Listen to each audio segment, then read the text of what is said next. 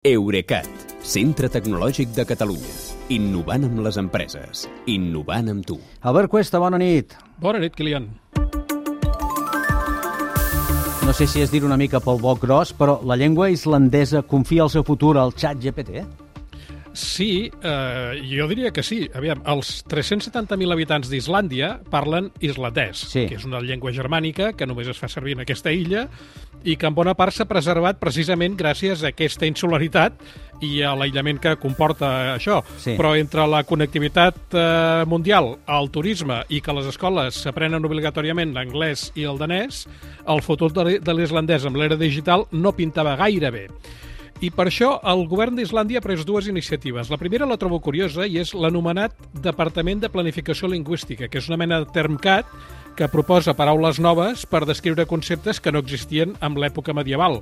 Per exemple, de l'ordinador en diuen tolva, no sé si ho pronuncio bé, però és una O amb dièresi, tolva, Sí. que vindria a ser, eh, traduït, profeta numèric. Oh, que bo. La- Profeta és molt, numèric. Ho trobo molt poètic, Molt francament. bonic, sí, sí, sí. Sí. La segona iniciativa és la que deies, que és assegurar que la llengua islandesa continua viva amb l'era amb l'era de la intel·ligència artificial i per aconseguir-ho s'han posat a entrenar el xat GPT en islandès. Ho fan perquè fins, fins ara no s'hi podia dialogar en islandès, eh, diríem. En aquest, en aquest cas, en català estaria millor, no? Uh, no t'ho pensis. Uh, uh, és veritat que el xat GPT entén i respon textos en molts idiomes, inclosos el català i també l'islandès. Però és que encara que el diàleg sigui en el nostre idioma, o, o el d'ells, eh, el model de l'empresa OpenAI està entrenat amb contingut de la web oberta i això ma- majoritàriament és en anglès i en mesor, menor mesura en rus, espanyol o francès.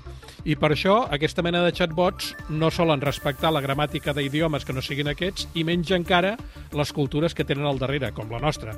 Eh, això és una limitació que OpenAI, l'empresa que hi ha al darrere del xat GPT, reconeix. Però se'ls ha de també reconèixer que s'han proposat corregir-la i d'aquí que els hi hagi anat molt bé la petició del govern d'Islàndia de preservar el seu idioma nadiu.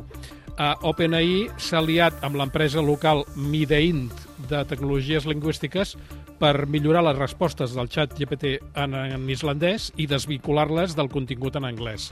Primer van provar d'entrenar la versió GPT-3 del model amb 300.000 exemples en llengua islandesa, però no se'n van sortir. El que han fet ara és posar 40 voluntaris a dialogar tot el dia amb la versió GPT-4, que és l'actual, a cada pregunta els proposa quatre respostes, entre les que han de triar la que troben més ajustada a la cultura i a la gramàtica local. I aquest sistema els funciona millor? Eh, diuen que els resultats són espectaculars. Um, per exemple, quan el demanaven al GPT-3, a l'original, com es diu l'ànec Donald en islandès, et donava una resposta inventada, que no tenia res a veure amb res. El xat GPT, que està basat en la versió 3.5 del GPT, assegurava que el personatge es diu igual en islandès que en anglès, cosa que no és certa. En canvi, l'actual GPT-4 et respon amb el nom correcte, que per cert és Andrés Ond. Andrés N és sí, ànec Donald? dic, eh, jo dic ont eh, perquè és una O majúscula amb, amb, amb Amb dièresi. dièresi, Eh, la pronuncio així, si algú dels oients parla islandès, que em corregeixi. O que ens perdoni d'entrada també O que ens mica. perdoni, això. Uh, una altra cosa que han aconseguit aquesta gent és que el GPT-4 entengui el context de les preguntes.